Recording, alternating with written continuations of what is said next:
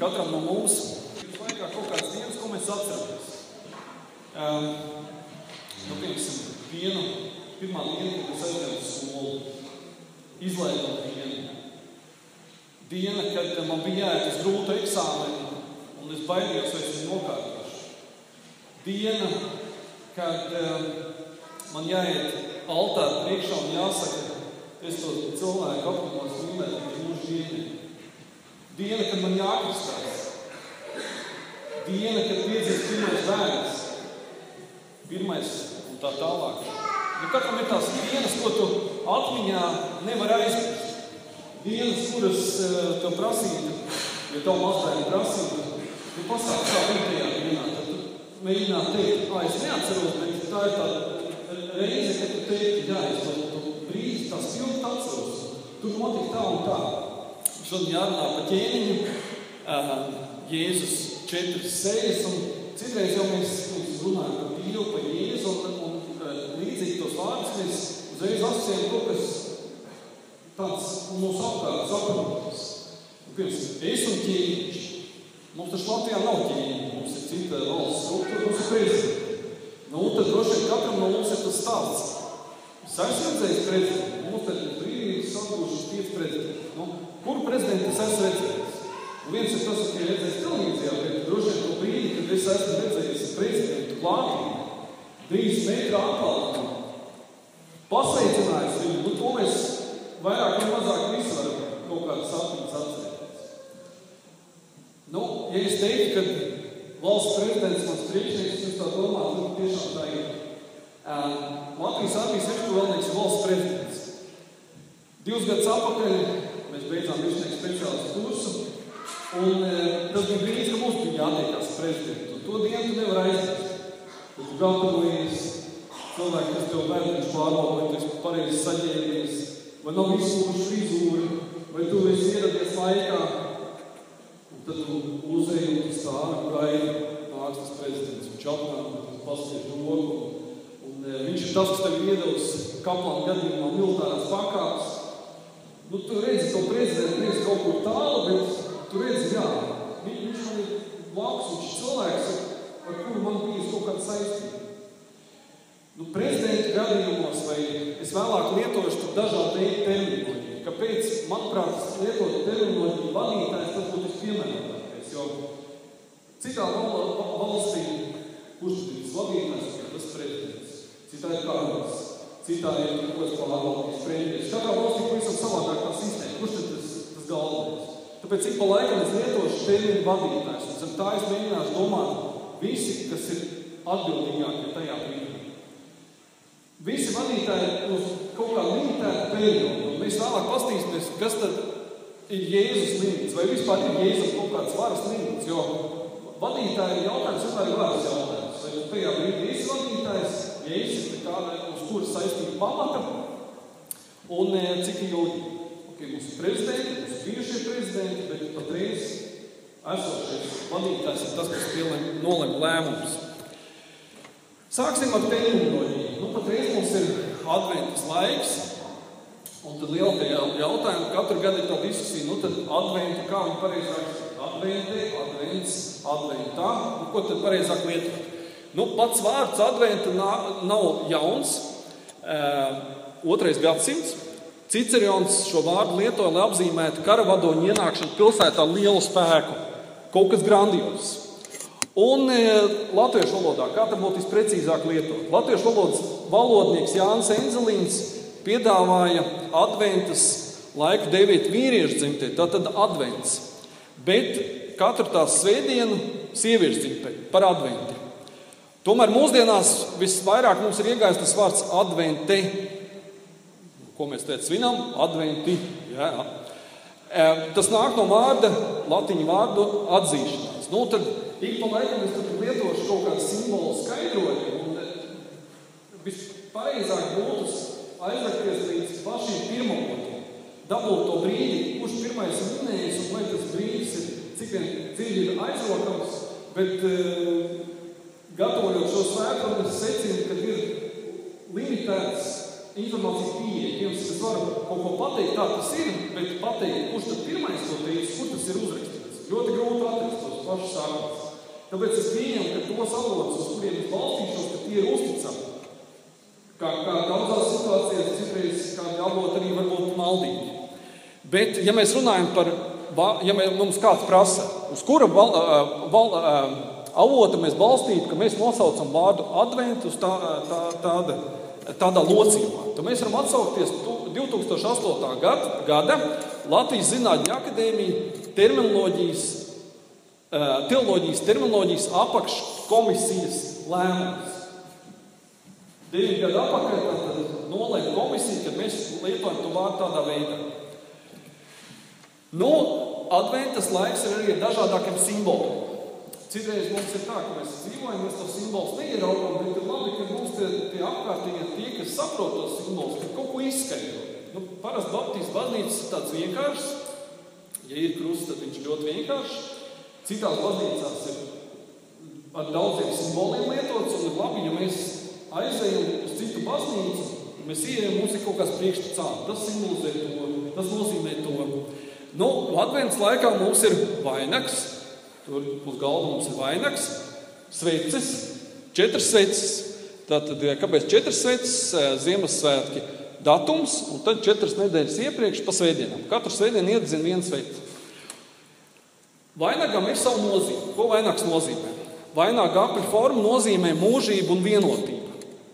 Un apelsīns, jeb gredzena forma, ir kā uzticības zīme dievam un viņa apsolījumiem. Ir četras sveices, un katrai no tām sveicēm arī savu nozīmi. Nu, lielākā daļa jau prasīja, to šodien iedzināja pirmo sveici, ko nozīmē četras nedēļas atpakaļ. Nu, redziet, un izrādās, ka tam ir kaut kāds skaidrojums. Sveiču nozīme, tātad pirmā atmiņa. Pravieša apzīmējums, ir pravieša sveicis, tā ir cerība, kas ir Kristus. Otrā ir Bēntlemes svece, aicinājums uz pestīšanu. Trešā svece - ganiņu, jeb prieka svece, un ceturtā svece ir eņģeļa svece, jeb mīlestības svece. Nu, mums, eh, tiem, kam ir bērni, eh, lai viņiem kaut kāda interesantāka lieta radītu, ir Ziemassvētku, ir kalendāri, adventas kalendāri. Un e, veiklos mēs viņu arī varam nopirkt. Un, nu, tie visi kalendāri vairāk vai mazāk beidzās 24. data, nu, citiem ir 25. Kāpēc? Citās valstīs, nu, tad beidzās tie, tie Ziemassvētki. Un, ja kādreiz mums bija piemēram tajos adventu kalendāros, nu, mēs adventas laikā domājam par Kristus piedzīšanu, un mēs bērnām ejam tos stāstus, bērniem stāstam, tad tagad viņš mainīsies situācija. Un daudzos jautājumos mums šī adventas jautājuma struktūra, un es ļoti ceru, ka bērni vecākiem joprojām prasa, Decembrī 31 diena, bet kalendārā ir 24 vai 25 tikai kastītes. Kāpēc, kāpēc, kāpēc, kāpēc tur apstājās? Un es ceru, ka ģimenes spējas atbildēt, kāpēc tas tā ir radīts. Nu, laika gaitā mums komercija ir uztaisījusi tādas lietas, ka adventas kalendārā neparādās tikai Kristus uh, bērnības skats. Nu, šeit ir izvilkums no uh, bildītēm, ko, kāda veida adventas kalendārs var patreiz notikt. Nu, tad, tad uh, meitenēm, kam meitene patīk pēpa, ja cūciņa pēpa, nu tad, tad pēpa sākais kalendārs. Un bērniem tur patīk, nezinu, uh, minioni vai viskaut kā dažādi tēli. Tā kā vispār uz ziemu es brīnos, uh, jā, vai tur iekšā vispār kaut kas Ziemassvētkiem saistīts. Nu, pa ko mēs varam priecāties?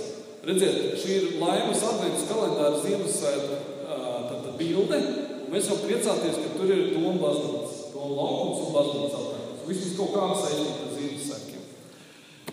Es ceru, ka bērni prasa tos jautājumus, kāpēc ir nevis 31, bet 24 vai 25 kastītes. Kāpēc tur apstājās? No adventas laiks ir mums ir īpaši ar ko vēl. Sāk parādīties mūzika. Mūzika parādās. Eh, es ceru, ka ne tikai kristīgā radio, bet arī kaut kur citur.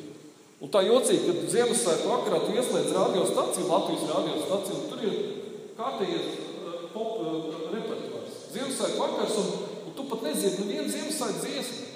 Iedomājieties, tas paradoks vispār, man cits cilvēks stāstīšu. Ziemassvētku vakars, būvniecības veiklā cilvēks aiziet nopērk rīkus. Ziemassvētku vakars viņš nespēja normāli nosinēt. Viņš, nu labi, mēs varam teikt, ka pie varbūt viņš brauc uz laukiem, lielās brīvdienas, teikt, viņš tur laukos kaut ko remontēs, viņš viss sapieks un tu brauc remontēt. Bet Ziemassvētku vakars, tas ir diena, kad varētu ne, nepirkt to rīkus. Ja? Tad ir reizes, kad tev ir augstāks prioritātes. Nu, šis ir laiks, kad arī kādām no dziesmām, kas it kā ir pa Ziemassvētkiem, mēs iedzinamies to dziesmu vārdos un mēs sākam saprast, to, par, par ko tu viņi tur dzied. Ā, viņi dzied par to, ka būs Ziemassvētku balti, ka visi ir tos baltos Ziemassvētkus. Bet nu, citās valstīs jau sniegs vispār nav. Nav svarīgi, kurā mēnesī. Vai pa nelaimīgām mīlestībām. Ziemassvētku nelaimīgās mīlestības laiks. Nu, kad atkal ir Ziemassvētku, bet beigās mēs to fokusu galvenais mērķis, Kristus dzimis, pavisam esam pazaudējuši. Ja? Vai e, dāvanas, viens otram dāvinam dāvanas, it kā nevienam dzimšanas dienam nav, bet visi apdāvina viens otru. Un e, dāvanas arī ļoti uzmanīgi jābūt. Liela daļa cilvēku gadu no gadiem nākšos divus mēnešus, janvāri, februāri, pēc tam domā, kā tās dāvanas apirkšanas naudas apmaksāt. Un tu visu laiku domā, un tam man vajag dāvanu, es maziņu dāvanu, nevajag lielu dāvanu. Naudas man nav jāņem ātrais kredīts. Kā ātro kredītu pēc tam apmaksāt. Un citiem tas gaidīšanas laiks, kad mēs gaidām lielo notikumu, lielākā dāvana, kas jebkad ir bijusi, un izrādās, ka beigās mums ir saistības ar to. Vai tie pasākumi un būs beigās ir stress ar to kleitu, es biju uz to pasākumu, un tad man jāiet uz otru, es to pašu kleitu nevaru, naudu nav, ko man te darīt. Visi redzēs, ka es to pašu kleitu uzvilku uz otrais, es tā nevaru. Vai jautājums Ziemassvētku vakarā mums būs egle, bet kāpēc egle? Nu, es te ieliku kokus. Citās valstīs ir cita, cita veida augi. Ja? Bet bērni prasīs, kāpēc Ziemassvētkos ir eglīte priekšā. Un tad uh, mūsu mērķis būtu atrast, kāpēc Ziemassvētku un egli, kāpēc tur ar to ir saistība.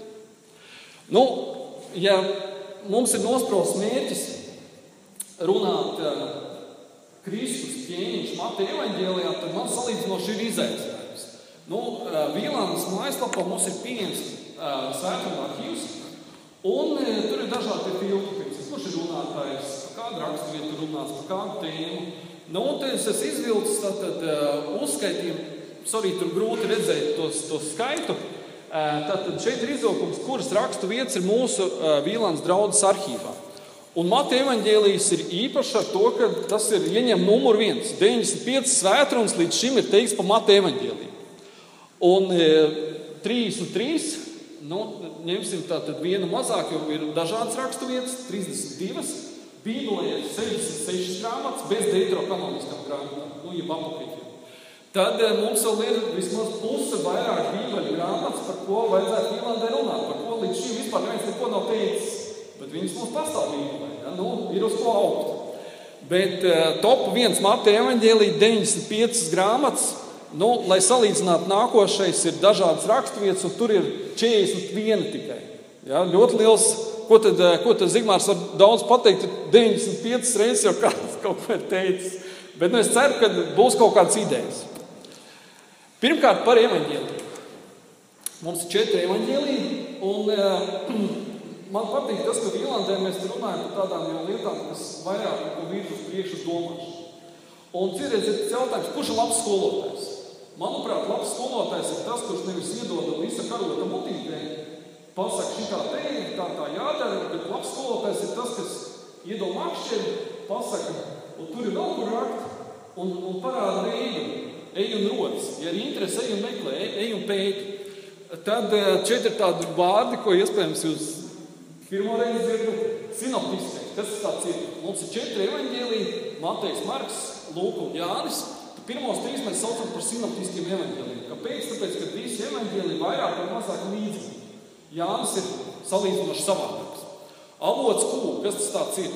Tā tad ir priekšstats, kad uh, ir bijis materiāli kopā ar Jēzus mācības uzskaitījumu, kas ir bijis kā pamats citu evaņģēliju rakstu vietu citēšanai. Šāds avots nav saglabājies, bet uh, tā kā vairāk evaņģēlīji citē līdzīgas avots, tad vienmēr tu citēji, ja ir no kaut kā citēt. Ok, viens ir uzrakstījis grāmatu, vēlāk uzrakst grāmatu, gribi atsaukties uz viņu, un tad citē viņa grāmatu. Bet kas ir pirms tam bijis? Sinoptiskos evaņģēlijas, ja līdzīgos evaņģēlijas mēs varētu nu, salīdzināt kādā veidā. Pirms mums ir viens uzfotografijas bija piemēram, viens nofotografēs mūsu adventas četras sveces. Un tad mums ir gleznotāji, kas tagad tās sveces uzzīmēs. Un, un viņi uzzīmē viņas dažādāk, varbūt ar dažādākām niansēm. Laika gaitā, protams, ka māksla ir darījusi savu pieci. Ir uh, svētais vakarēdienas, 12 mācekļi, un pēkšņi izrādās viens māceklis ar brillēm. Jēzus laikā, kad brilles vispār nebija. Tā izrādās, ka tāpēc tas brilles, tajā laikā tur ir atklājums, kad ir tas brilles jaustās. Ja, un tur viņš ieliek tā laika novada. Bet um, sinoptiskie evaņģēlī kaut arī viņi līdzīgi, bet viņi tomēr atšķirās viens no otra. Nu, Pastīsimies nākošo tabulu diezgan lielu ciparu, bet es mēģinu no savas pozīcijas parādīt, ka ir kur rakt. Tātad šeit ir mums ir četri evaņģēlīgus skaitījums un četri dažādi cipari pie katra. Ko tas mums, tātad pirmā slēja nodeļas. Cik mums kurā evaņģēlijā nodeļas? Matejs ir topā viens ar to, ka viņš ir visvairāk nodeļas esošais. Protams, ka sākotnēji sadalījums nodaļās un pantos nebija. Tas bija viens rakstura apjoms, un pēc tam, lai vieglāk būtu atsaukties, teksts tika sadalīts.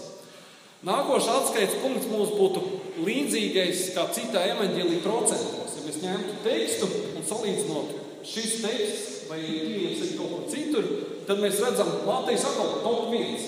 Iedomājieties, 93% no Mateja evaņģēlī satura ir minēts jau kaut kur citur. Tas nav kaut kāds unikāls jauns materiāls. Tas ir minēts jau pavisam iepriekš. Ja? Un Jānis, redziet, kāpēc mēs runājam par sinoptiskiem? Jānim 8%. Tātad Jāņa evaņģēlijas saturs 8% tikai ir atspoguļos pārējos. Pārējie 92% ir kaut kas unikāls savādāks.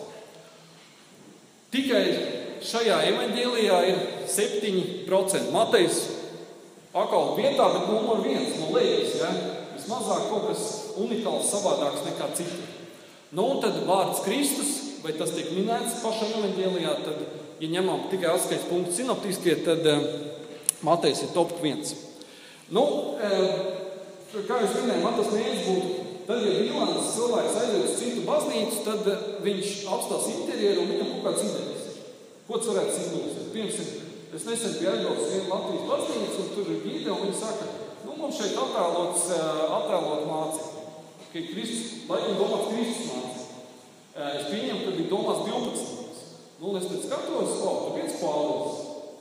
Pāvils nav viens no 12. Tad, ja Jūdijas periods, viņš nu, pakarās, viņa vietā tiek izvēlēts Matīs, bet tur pat nav Matīs, tur Pāvils. Pāvils 13. Ja, kad nav viens no 12. Un tad vidi saka, ka mums ir šeit 12. Tātad attēlu 12. Jēzus mācekļi, bet Pāvils tur nav viens no tiem 12. Tu pavisam cits cilvēks. Nu, šeit ir arī evaņģēlijam ir kaut kāda apzīmējuma. Un es ceru, ka jūs kādreiz vispār esat redzējuši šos apzīmējumus un ir kaut kāds idejas, kas tas varētu būt. Mātei evaņģēlija parasti apzīmē kā cilvēku. Es vai es te, tātad svētais, cerēs, kādu lasot rakstu vietas, viņi saka, lasījums no svētā Mateja. Ja? Tātad Mateja evaņģēlija apzīmējums ir cilvēks. Kāpēc? Mateja evaņģēlijas sākās ar Jēzus filtretu. To, kad viņš tiek parādīts no Dāvida, ir Jēzus, kā viņš uh, ir bijis, kas ir bijis tētis, olps un tā tālāk. Parādīts viņa cilvēciskais ciltskoks un viņa dzimšana. Nu, Marks, kas tad būs Marks? Marks un Lauva. Lauva, uh, nu, Lauva ir spēks, ir varenums, Kristus augšām. Varenākā lieta, kas ir kad var notikt. Vienlaicīgi um, Marks ir arī vieta, kur tiek aprakstīts Jēzus brīdis, kad viņš ir uh, kārdināšanā, tuksnesī. Jēzum palīdz savvaļas dzīvnieki, un lauva ir viens no savvaļas dzīvniekiem. Nu, grūti jau pateikt, ja, vai tiešām lauva bija tā, kas Jēzum tuksnesī pienes uz ēdienu. Visticamāk, nē, bet nu, apzīmējums tās tiek lietots. Vērsis, Lūkas evanģēlija vērsis. Šeit ir ļoti interesants iemesls, kāpēc vērsis. Nu, izrādās, vērsis apzīmē uh, Kristus uh, nāvi kā upurvieša nāvi. Un vērsis ir saistīts ar evanģēlijas sākumā minēto cakarī, kas kalpo templī. Templī tiek pienesti upurdzīvnieki, Vērsis ir viens no upuru dzīvniekiem, tāpēc arī vērsis tiek lietots šajā apzīmējumā. Un ērglis. Jānis kā ērglis. Jāņem arī sākums, iesaukumā bija vārds, logos, ļoti cēlas domas, grūti saprotams. Tāpēc ērglis tik, tik augstas domas kā ērgļu lidojums. Ja? Un arī Kristus uzkāpšana debesīs kā ērgļu lidojums. Ja mēs domājam par Teikt pārbaudas jautājums, vai visi atcerās, kas, kas bija Marks? Kurš, eh, kurš simbols? Nu, tad brīnum atcerieties. Matejs cilvēks, Marks, lauva, tūkstnesis, ja? vērsis, upuri, cakarīja, upur dzīvnieki un ēglis augstās domas Jānis. Nu, ja nakts vidojums uzcels un prasīs, kas bija Jānis, ēglis, es ceru, ka vismaz to jūs atcerēsieties. Tā, labi. Kāda ir ķēniņa pazīme? Ja mēs domājam, Kristus ķēniņš, kādas ir vadītāja pazīmes? Pirmām kārtām, varas iemesls, uz kura pamata viņš saka, ka viņš ir valdnieks. Un iemesli var būt ļoti dažādi. Pirmais variants varētu būt, ka viņš ir piedzimis un viņa ģenētiskais koks pasaka, ka viņš ir cienīgs viņu šo amatu. Vēl citi varianti. Vadītāji ieceļ, Vai trešais variants - vadītāji pārņem, valsts pārņemšana, jauns vadītājs, viņš ir iegūst šo varu būt vadītājs ar citiem atskaites punktiem. Vai ķēniņam ir kaut kāda teritorija? Nu, es domāju, ķēniņa vadītāja. Citreiz var būt tāda geogrāfiska zeme, piemēram, Latvija mums ir Latvijas kultūra, un ja mēs skaitām Latvijā, cik mums ir iedzīvotāji, nu, teiksim, zem 2 miljonu. Tad ir citas eh, tautas, kurām ir pat 5 miljoni iedzīvotāji, bet nav savas zemes. Iedomājieties, daudz lielāka tauta nav savas zemes. Mēs taču īstam, o, mums nav tas un tas, un citām tautām pat nav savas teritorija. Ja? Tāpēc mums citreiz ir jārēs citu pieredzi, lai mēs novērtētu, kas mums ir. Un arī garīgā teritorija. Citreiz mēs zinām, ka citas baznīcas un mīlam garīgi kādreiz praktizēt, pirms Rīgas kārtaču punkts šeit šī baznīca, zīmēm rādījus, un kas mums ir apkārt. Vai mums apkārt ir skolas, vai mums apkārt ir cietumi, vai mums ir bērnu dārsts, vai mums ir augstskolas, kādas darbības mums šeit ir apkārt. Kas tie cilvēki, kas šeit apkārt dzīvo? dzīvo.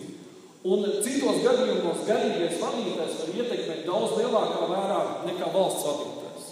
Lielākā daļa situācija tāpat notiek. Vai kāds ir varas līmenis, vai viņš kā vadītājs ir brīvs vai ļoti stingrs, Katrā gadījumā var savādāk. Ja vadītājs ir ļoti viegls, es domāju, savos lēmumos attiecībā par saviem darbiniekiem, tad ir citi darbinieki, kas kāp viņam uz galvas. Ja viņš ir ļoti stingrs, tad atkal grūti pie viņa piekļūt. Un atrast vienmēr visiem vadītājiem ir visgrūtākais atrast to balansu, kā ar maniem cilvēkiem man visefektīvāk strādāt. Tā, lai mani cienītu, bet lai mēs varētu uh, īstenot tos uzdevumus. Visu vadītāju jautājuma kompetence ir mēģināt salikt, kas ir manas kā vadītāja uzdevums pats svarīgākais. Un, ja mēs domājam par valsts vadītāju uzdevumiem, tad okay, mēs varētu teikt, tur ir ētās listas ar uzdevumiem, kas ir svarīgi.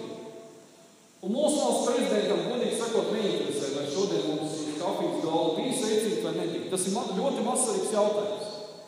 Mūsu valsts vadītājiem ir daudz augstāki mērķi, kas ir eh, jāpārzina un jāredz skaidrība. Piemēram, valsts drošība. Tā lai mūsu teritorija būtu mūsu teritorija, valsts labklājība, tā lai mūsu iedzīvotāji nevarētu teikt, ka mums eh, ir par maz. Mums daudz pensionāru saka, ir grūti, ir eh, no pensijas līdz pensijai. Ukrainā pārtiks naudas apmēram tāds pašs vidējā pensija - 150 eiro. Ja Latvijā kādam iedod tādu pensiju, nu, tad jūs varētu teikt, jā, ir maz, bet viņi tur dzīvo. Um, darba vietas, kā dabūt to, lai mūsu cilvēki, kas ir gatavi strādāt, lai viņiem būtu darba vietas, attīstīt um, jaunas investīcijas, um, demogrāfijas, kā dabūt to, lai mums dzimtu bērni, kā dabūt to, lai mūsēji visi neaizbrauktu prom. Tie ir tie jautājumi, kas katram vadītājam ir jāizpild. Un e, nākošā kārta ir, karte no pasaules, pasaules karte un veidi, kā tad tiek iedalīts valsts varas. Nu, piemēram, mums ir prezidentālā republika, pusprezidentālā, parlamentārā republika, kur izpildvaru pieder prezidentam, parlamentārā republika, kur izpildvaru pieder premjeram, parlamentārā konstitucionālā monarhija, konstitucionālā monarhija, kur izpildvaru pieder monarham, absolūtā monarhija, vienpartijas valsts, militārā diktatūra. Katrai valstī pavisam cita pārvaldes forma. Mēs nevaram pateikt, jā, visur ir tā kā, tā kā mums. Mēs nevaram veikt tādu salīdzinājumu. Katrā vietā ir pavisam savādāk. Lielais jautājums ir, vai es zinu savus vadītājus? Nu, piemēram, Vīlāns draugs ietilpst Latvijas Baptistu draugu savienībā. Vai es zinu, kā sauc uh, Latvijas Baptistu bīskapu? Okay. Un kā sauc Eiropas Baptistu bīskapu? Starp citu, pat pašreizējā Eiropas Baptistu federācijas uh, vadītājs sieviete. Ļoti interesanti. Um, Baptistu pasaules alianse. Visiem pasaules baptistiem lielais priekšnieks. Nu, vismaz no kuras valsts viņš ir? Es teiktu, lielākā daļa mēs nevarētu to atbildēt. Vai nākošais jautājums? Um, labi, mēs zinām mūsu valsts prezidentu, bet mūsu valsts ietilps dažādākās savienībās. Eiropas Savienība. Kā sauc Eiropas Savienības vadītāju? NATO, mēs esam NATO sastāvdaļa. Kā sauc NATO vadītāju? Lielākā daļa atkal. Un, un, godīgi sakot, man ir tā pati, jo mēs ikdienā ar, to, ar tiem jautājumiem nesastopamies. Mums ir vadītāji, kas ir virs mums, bet mēs pat nezinām, ja mums parādītu bildi, kas tam prasītu, kas tas ir. Mēs pat nevarētu pateikt, viņš ir tas, viņš ir uh, manas valsts, kaut kādas uh, grupas vadītājs, un kura grupa kaut ko dod, ko Latvijam, mēs pat īsti to neapzināmies. Vai tajā nozarē, kur es darbojos, kurš ir pats um, prasmīgākais, viskompetentākais eksperts tajā jomā, kurā es darbojos? Es ceru, ka mēs katrs varētu nosaukt. Manā jomā, kurā es darbojos, viskompetentākais ir tas, vai manā hobijā vispieredzējušākais ir tas. Un bieži jau tie vispieredzējušākie nekad uh, vizuāli baigi nav tādi atpazīstami. Ja tu par viņu nezini. Es atceros vienu uh, stāstu viena konference, cilvēks runā ar vienu mācītāju, un nu, tas mācītājs saka, nu, es nu, nu, vienkārši lauka mācītājs. Tu pavadi laiku, viņš sāc runāt, to izrādās, viņš ir filozofijas doktors, izrādās, viņš ir teoloģijas doktors, izrādās, viņš tur entās grāmatas sarakstījis, ja? Un viņš prasa, kāds tas status, es esmu mācītājs. Un, un to tu kā var tikai pavadīt, pavadot laiku ar viņu kopā. Nu, pastīsimies konkrētāk Mateja. Īsti par to, nu, parasti mēs sakām, ka Mateja evaņģēlijas, Jēzus bija māceklis Matejs, nu, tad droši vien Matejs ir tas Jēzus viens no mācekļiem, kurš ir evaņģēlija autors. Bet mēs īstā nevaram pateikt 100%. Uh, teksta pētnieki, nu, daudzos jautājumos labāk ir pateikt godīgi, ka mēs nezinām, nekā pateikt, jā, tas tā ir un izrādās, ka tas nav bijis pareizi. Līdz ar to mēs nevaram precīzi teikt, jā, viens no Jēzus 12. Matīs ir tas, kas ir sarakstīts Mateja evanģēlī. Skatoties no tā, kad ir tas teksts uzrakstīts, tas būtu starp 60 un 95 gadu, burta AD Anno Domini, citreiz tiek lietots pirms mūsu ēras PC, for Christ, tad eh, mēs redzam, ka pats teksts, ja mēs pieņemtu, ka nu, Ja godīgi sakot, kaut arī mūsu atskaites sistēma tiek rēķināta no nulles, eh, Kristus piedzimšanas brīdis, nultais gads, tad vēsturiski skatoties, Kristus ir piedzimis mīnus višķi gadus atpakaļ. Ja? Ne, ne, nedaudz gadus atpakaļ. Bet, ja mēs ņemtu atskaites punktu, Māte evaņģēlijas sarakstīšanas brīdis, un brīdis, kad Jēzus nomirst, tur nav gada jautājums. Paiet vismaz 30 gadi, kad Matejs tiek uzrakstīts. Un Matejs ir uzrakstīts visticamāk pēc Marka evaņģēlija. Kas ir visvairāk saglabājies, visilgāk saglabājies svēto rakstu teksts? 125. gadā sarakstītais Marka evanģēlīja fragments. Tas pat nav viss evanģēlis, tikai maziņš fragments. Un visforšākais, kad ir saglabājies tas fragments, kur Pilārs prasa Jēzu. Kas tad ir patiesība? Ko mēs visi uzdodam? Kas ir patiesība? Un ja mēs teiktu, kas ir visilgāk saglabājies svēto rakstu citās, tad tas ir tas citāts. Kas ir patiesība? Un, un tas ir saglabājies tikai no 105. gada. Tātad Matejs rakstot, un pat īsti nav skaidrs vieta, kur viņš sarakstīs. Mātejs rakstot savu darbu, balsta jau uz kaut kādu citu esošu avotu. Viņš ne, neuzraksta um, pilnīgi unikālu darbu, viņš balsta savu, savu atziņu, savu gleznu no fotografijas uz kādu citu, citas gleznas paraugu. Mateja evanģēlijā ir 41 vecās derības citāts. Un, ja mēs atkal salīdzinām citu sinoptisku evanģēliju, 21 citāts ir no citiem sinoptiskiem evanģēliem. Puse. Desmit tātad vecās derības citāti nav ne, nekur citur jaunā derībā minēti. Un iedomājieties, viena ceturtā daļa no visa evanģēlija, Jēzum 33 gadi, Un, ja mēs uzrakstām par Jēzus dzīvi, tad izrādās viena ceturtā daļa no visas grāmatas ir tikai par Jēzus pēdējo nedēļu. Un tāda proporcija, ja? 33 gadu vecā stāstu iekļaut ceturto daļu tikai par pēdējo nedēļu. Skatoties pamatu. Mateja evaņģēlīja pamatmērķis ir pastāstīt, Jēzus Kristus ir Mēsija.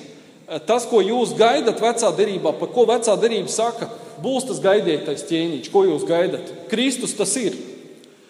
Un, ja kādreiz izmantoja garīdznieki tādas simfonijas, ja, nu, piemēram, Bībeles vārds, tad ir, e, kur tas vārds ir minēts Bībelē, tad, tad mums patreiz pie jaunākām tehnoloģijām vieglāk to izdarīt.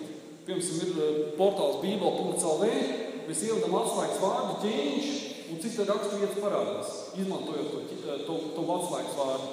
Protams, ka atkarībā no teksta formas viņš galotnes var mainīties. Ja tu uzliec tikai ķēniņš un tekstā ķēniņam, tad iespējams viņš arī neparādās. Tāpēc bieži ir labāk meklējot kādus vārdus, nelikt teksta galotnes, jo, jo mēs daudz labāk atradīsim visus citātus. Bet Bībeles tekstā, ja mēs skatāmies, tad vārds ķēniņš ir minēts 190, 109 reizes. Tas nav unikāls vārds, vienu reizi minēts, bet salīdzinoši daudz reizes. Protams, ja mēs skatāmies uz Kristus dzīvi, tad mēs varam skatīties uz visu to cilvēku dzīves spektru, piedzīvošanu, kalpošanu, nāvi, augšām celšanās, uh, ciešanas, viņas, uh, viņa ciešanas. Kristus dzīves laiks nav tikai būt spieķim, būt spieķim visās situācijās. Ja kaut kur vajag kādam dziedināšanu, tad Jēzus pasūta un viņš atnāk padziedināt. Evanģēlijā mēs aprakam, lasam arī par to, ka Jēzus prasa nāc palīdz dziedīt. Jēzus atsaka. Iedomājies Lācars, atnāk pie viņa pasaka, ka Lācars ir miris. Un, un mēs stāstā nelasam par to, ka Jēzus uzreiz pie savu čoma drauga ar, ar Lācaru, ko viņš bija kopā, ka viņš uzreiz iet pie Lācara. Paiet tur kāds laiks, un tad aiziet Jēzus. Daudz ļoti interesanti notikumi.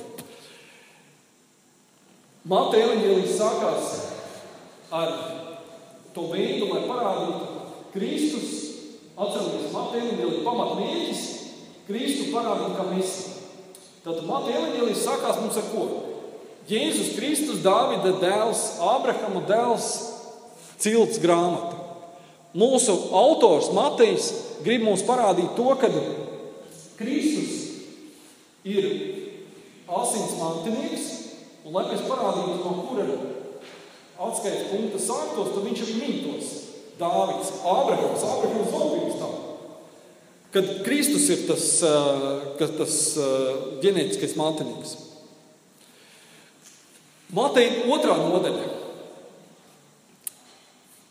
Atnāk gudriem. Nu, to terminu tur Daudzos jautājumos, zinām, cerēt, tu saki, kurš ir gudrākais pirmā kursa students, viņš to visu zina. Un tu pabeidz maģistratūru, un tu, tu beigās saproti to par to tēmu, es viņš kaut ko saprotu. Es varu šaubīties. Un man, manā izpratnē tie, kas bieži šaubās, ir tie, kas, kas visvairāk ir dažādas versijas zinājuši, tu nevari saprast, kur, kurš tad ir var, pareizais variants. Līdzīgi arī par to gudriem, kas viņi bija.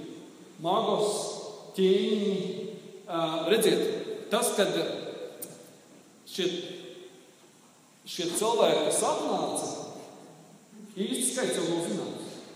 Kāpēc? Pirmkārt, mēs paši rakstam par to. Viņi atnāk un prasa, kur ir jūdu ķēniņš, jo raksta par to ir minējuši. Ja? Viņi atnāk un, ko mēs redzam, viņi uzdāvina dāvanas. Trīs dažādas dāvanas. Kāpēc tieši tās? O, tur apakšā simboli. Bet tas, kad viņi ir ķēniņi, parādās pie 6. gadsimta. Iespējams, ejot pa, pa kādām ielām, jūs redzat uz durvju sēdē ar krītu uzrakstītu burti. Es ceru, ka visi kādreiz tādas redzējuši. Ja vēl nē, tad, tad, tad jums ir jāmeklē tādas durvis. Un parasti teiktu, ka jau uz tām durvīm ir šie uzraksti, tad tur dzīvo katoļu ticīga ģimene. Kas tie ir pa burtiem? Sākumā 2.0, un beigās tad, tad šeit mums ir piemērs 2017. gads. Un pa vidu mums ir trīs burti - KMB, Kaspers, Melchiors un Baltazars. Nu, nakts vidū šitos vārdus grūtāk atcerēties. Prasīt, kurš? Okay. Tur ir Kaspers, tur ir Kaspari, ok, Kaspars. Kaspars varētu būt, būt viens no tiem, bet jā, tātad tas, kad uh, austrumu gudriem ir trīs, un viņiem ir tādi vārdi, nāk tikai no 9. gadsimta. Ja jūs redzat šo, šos apzīmējumus, tad ko viņi apzīmē? Tas gads, kad es dzīvoju, un trīs austrumu gudriem. Tie, kas atnāca meklēt to ķīmi, gaidīja to ķīmi, ja viņi atnāk meklēt. Nu, tad mums ir kas minēts? Mums minēts tikai tas, ka mums jau nav minēts īsti, no kurienes viņi atnāca. Mums nav minēts, cik viņi bija. Uh, nu, nav pat svarīgi vecums, tautība, tas, ir nebūtiski.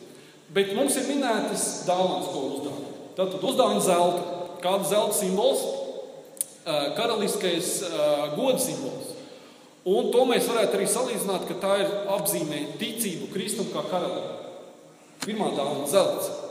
Vīraks nozīmē priestriskās cīņas simbols. Ticība Kristum kā patiesam dievam. Un mīras simbols tam, ka pieredzējušais mesijāniskie pravietojumi, kā arī norāda uz to, ka Kristus uh, ies nāvē. Ticība Kristum kā patiesam cilvēkam. Ļoti jocīgi, es nevarētu saprast, es ne, nezinu, kā jutās Marija un Jāzeps. Iedomājieties, atnāk tie gudrie, un vai viņi, kā tajā laikā tos simbolus, vai viņi redzēja kaut kādas apzīmējumus. Un ja atnāk pie tevis, pie nesen dzīvuša bērna, un uzdāvina simbolu, ka viņš jau cietīs, ļoti jocīgi, ne? ka tāds simbols tiek sākumā lietots jau. Um, ejam tālāk, Mateja viņa pastīsimies. Tātad Jēzu, Jēzus ir kalpojis, viņu ved no vienu uz otru visu laiku vietas, un beidzot tas jautājums, pārvaldnieks jautā, vai tu esi jūdu ķēniņš? Un Jēzus saka, tu to esi sacījis. Viņš nenoliedz. Viņš nesaka, nē, nē, nē, es kļūdījos, sorry, atlaidīs. Jēzus apstiprina to. Um, nākošā interesantā lieta. Tad, kad Kristus ir pie krusta, pie viņa uz, tad, tad, nu, mums šeit nav, mums ir standarta latīniskais krusts, bet tad, tad tiek pavēle dota, lai uzstiprina citādi. Ja, ja, ja mēs skatāmies atskaites punktu, mums ir četri evaņģēliji, trīs no viņiem sinoptiski. Šis vārds paliks atmiņā naktī. Sinoptiski, ja? tātad līdzīgi. Un mēs redzam to, ka, ka tas apstiprinājums, ko mums apkārtīgi saka, īsti nav patiesas. Apkārtīgi saka, Bībeli laika gaitā ir pieslīpēta tā, lai būtu izdevīgi, lai tu dabūtu naudu un tā tālāk. Un, un ko mēs lasot tekstu, mēs saprotam, ka jau tas tā nav. Kāpēc? Mums ir četri evaņģēliji un četri, četri citādi no latviešu bībeles 65. gada izdevuma. Nu, to es tev kā pamatu. Un, redziet, četri uzrakstīti četri stāsti par Kristu, un ir uzrakstīts četras dažādākas versijas, kā tad bija tas uzrakstīts. uzrakstīts ja? um, Matejs, šis ir Jēzus, jūdu ķēniņš, Marks, jūdu ķēniņš, Lūkas, šis ir jūdu ķēniņš, Jānis Jēzus nācerietis jūdu ķēniņš. Un eh, Pilārs ir tas, kas liek uzlikt šo, eh, šo uzrakstu. Kas ir interesanti? Tikai Jānis min par to, kurās valodās bija tas uzraksts. Pārējiem par to vispār klusē. Iedomājieties, eh, Jānis ja min, kad uzraksts bijis ebreju, romiešu un grieķu valodā. Tad, ja kādās baznīcās ir krusti ar uzrakstu, tad parasti tur tiek lietota četri burti inri. Un no kurienes tad tas ir? Un te mums ir beigies līķis. Jēzus vispār nevienā no tām valodām nerunā. Jēzus runāja arabiņu valodā. Izrādās tas inri apzīmējums ir no latīņu valodas. Romiešu valoda latīņu. Ja? Un ko tas nozīmē? Inri tātad Jēzus, nācerietis, ķēniņš Reks un uh, jūdu. Ja? Tā kad uh, tas ap, apstiprinājums laika gaitā visi evaņģēlīji pieslīpēti tā, lai būtu kādam izdevīgi, apgalvojums nav patiesas. Jums būs mājas darbs. Mājas darbs būs tāds,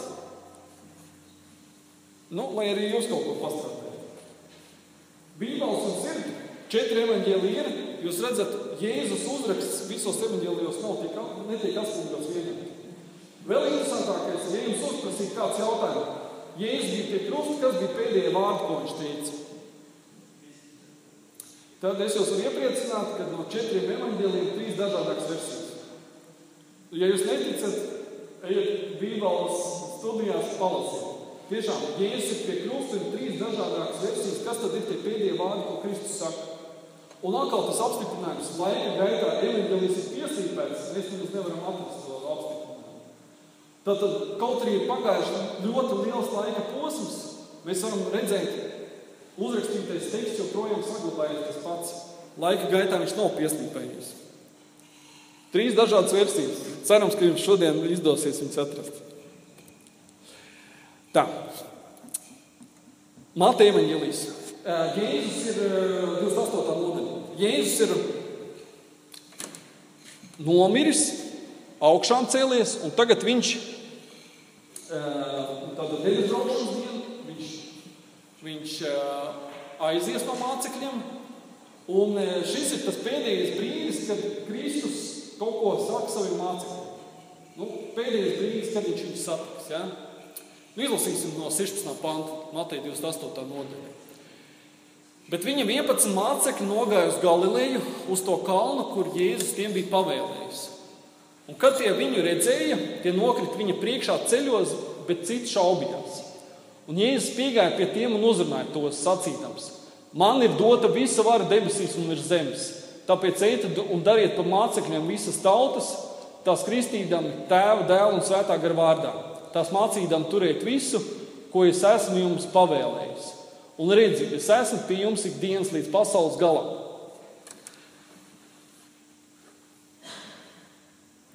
Unikāls citāts. Ja visi vadītāji mums ir limitēti laika periodā, militāristiem bieži ir tā praksa, mums notiek sanāksmes, mēs gaidām vadītāju, visi sēžam. Tad, kad ienāk vadītājs, tad mēs visi piesakāmies goda dēļ. Skolā tas tiek prasīts nevis aiz cīņas, bet tāpēc, ka tā vajag. Ar laiku mums citās skolās iegājas, vai tā vispār kādam ir kaut kāda vērtība. Bet eh, šis ir apstiprinājums, ka mēs vadītājiem neatkarīgi no kāds ir šis labs, slikts, pareizs, nepareizs lēmums eh, tiek pieņemts, bet viņš ir vadītājs, viņam ir uzticēts. Tad viņš ir limitēts. Vienu dienu var pienākt pavēle, un viņš var tikt pārvirzīts uz citu vienu, vai atvaļināts, vai dažādi vienu. Bet Kristus saka pavisam savādāk. Man ir dota visa, pilnīgi visa, nav nekāda limita. Nav limita uh, laikam, nav limita vietai. Pilnīgi visa. Uz zemes un debesīs. A forši tāda ķēņu kalpo. Nekad tu saproti, ka, o, nevis viņš tur ir uz gadu, nevis uz pieciem, tikai tajā limitētā teritorijā, bet es kalpoju tam, kas ir lielākais priekšnieks no jebkad esošajā. Un ka man nevis ir jākalpo kaut kādam uh, otrajam, trešajam, piektajam cilvēkam, bet es varu kalpot viņam, tam pašam augstākajam, kas vien var būt. Kristum ir dota visa vara debesīs un virs zemes. Es gribētu noslēgt ar Mateja 12. nodaļas otro pantu.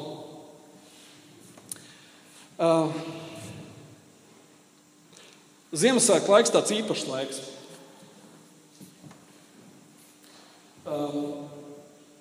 Bez tā, kad mēs gatavojamies šiem svētkiem un domājam par dāvanām, tad ir liela sabiedrības grupa, kura apkārt to priekšstatu, kas tiek, tiek teikts, ka tas laiks ģimenei. Ne visiem ģimenes ir. Ne visi Ziemassvētku laikā apciemo savus tuviniekus. Tad šis ir laiks, kad ne tikai ir prieka brīži, bet arī brīži, kad, kad rodas skumjas. Un tad ir jautājums, vai kādam es esmu vajadzīgs? Vai tas, ko es esmu darījis, un tiem cilvēkiem, kas esmu bijis kopā, kas ir kā ir tad, man draugi, tad, kad ir labi, bet tad, kad būs slikti, vai tiešām man būs draugi. Tad šis ir laiks, kad Daudziem rodas šaubas. Šaubas par, par to, vai kāds man mīl. Bet šis ir laiks, kad mums ir atgādinājums no evaņģēlī. No Mateja evaņģēlī. Un šis ir viens no citātiem, kur Matejs citai iesaka. Un uh, tur tiek teikts, ielūzuši niedri viņš nesalauzīs. Katram mūsu dzīvē droši vien ir bijis tas brīdis, ja vēl nav bijis, tad simt procentos. Kad liekas, Vēl bišķiņu es vairāk nevaru. Uh, vēl, vēl bišķiņu man jau būs tā apnicis viss, kad es droši vien visu atstāšu. Tad, uh, tad mums ir apsolījums, ka Kristus mums būs blakus. Un iedomājieties, tas ķēniņš, ķēniņš pats augstākais, kas vien var būt. Ka tev viņš ir blakus un viņš nevis tev samīs, ok, tu esi vājš, nu tad pavisam čau. Bet viņš būs tas, kas paturēs tevi un uzcels tevi. Kādam varenam kungam mēs kalpojam. Nevis otrajam, piektajam, bet tam, kam nav limita, ne vietai, ne laikam. Un tagad tu saproti, Kristus pats augstākais, kas vien var būt, tad mainās arī tava attieksme. Kaut vai vēl elementāru lietu atnāc uz baznīcu. Kā, kā tu atnāc? Vai tu gatavojies? vai tu esi noskaņojies uz satikšanos ar viņu? Tās tev būs tā tikšanās, tās viņš būs tev klāt. Tu esi gatavs. Viņš tā, ok, man ir piecēlies, ka tu negribās domāt, bet vai tu gaidi to satikšanos ar viņu? Nu, lai šis ir tas atgādājums. Kristus ir mesija. Tas, ko vecā dēļa sakot, būs jums pestītājs. Matejs caur cilvēku parāda, ka Kristus Kristus nenoliedz to, kad viņam tiek jautāts, vai tu esi jūras ķēniņš. Viņš to nevis noliedz, bet apstiprina. Un atvadoties no mācekļiem, viņš saka, man ir dota visa vara. Cik varam kungam mēs kalpojam? Atcerēsimies to. Amen.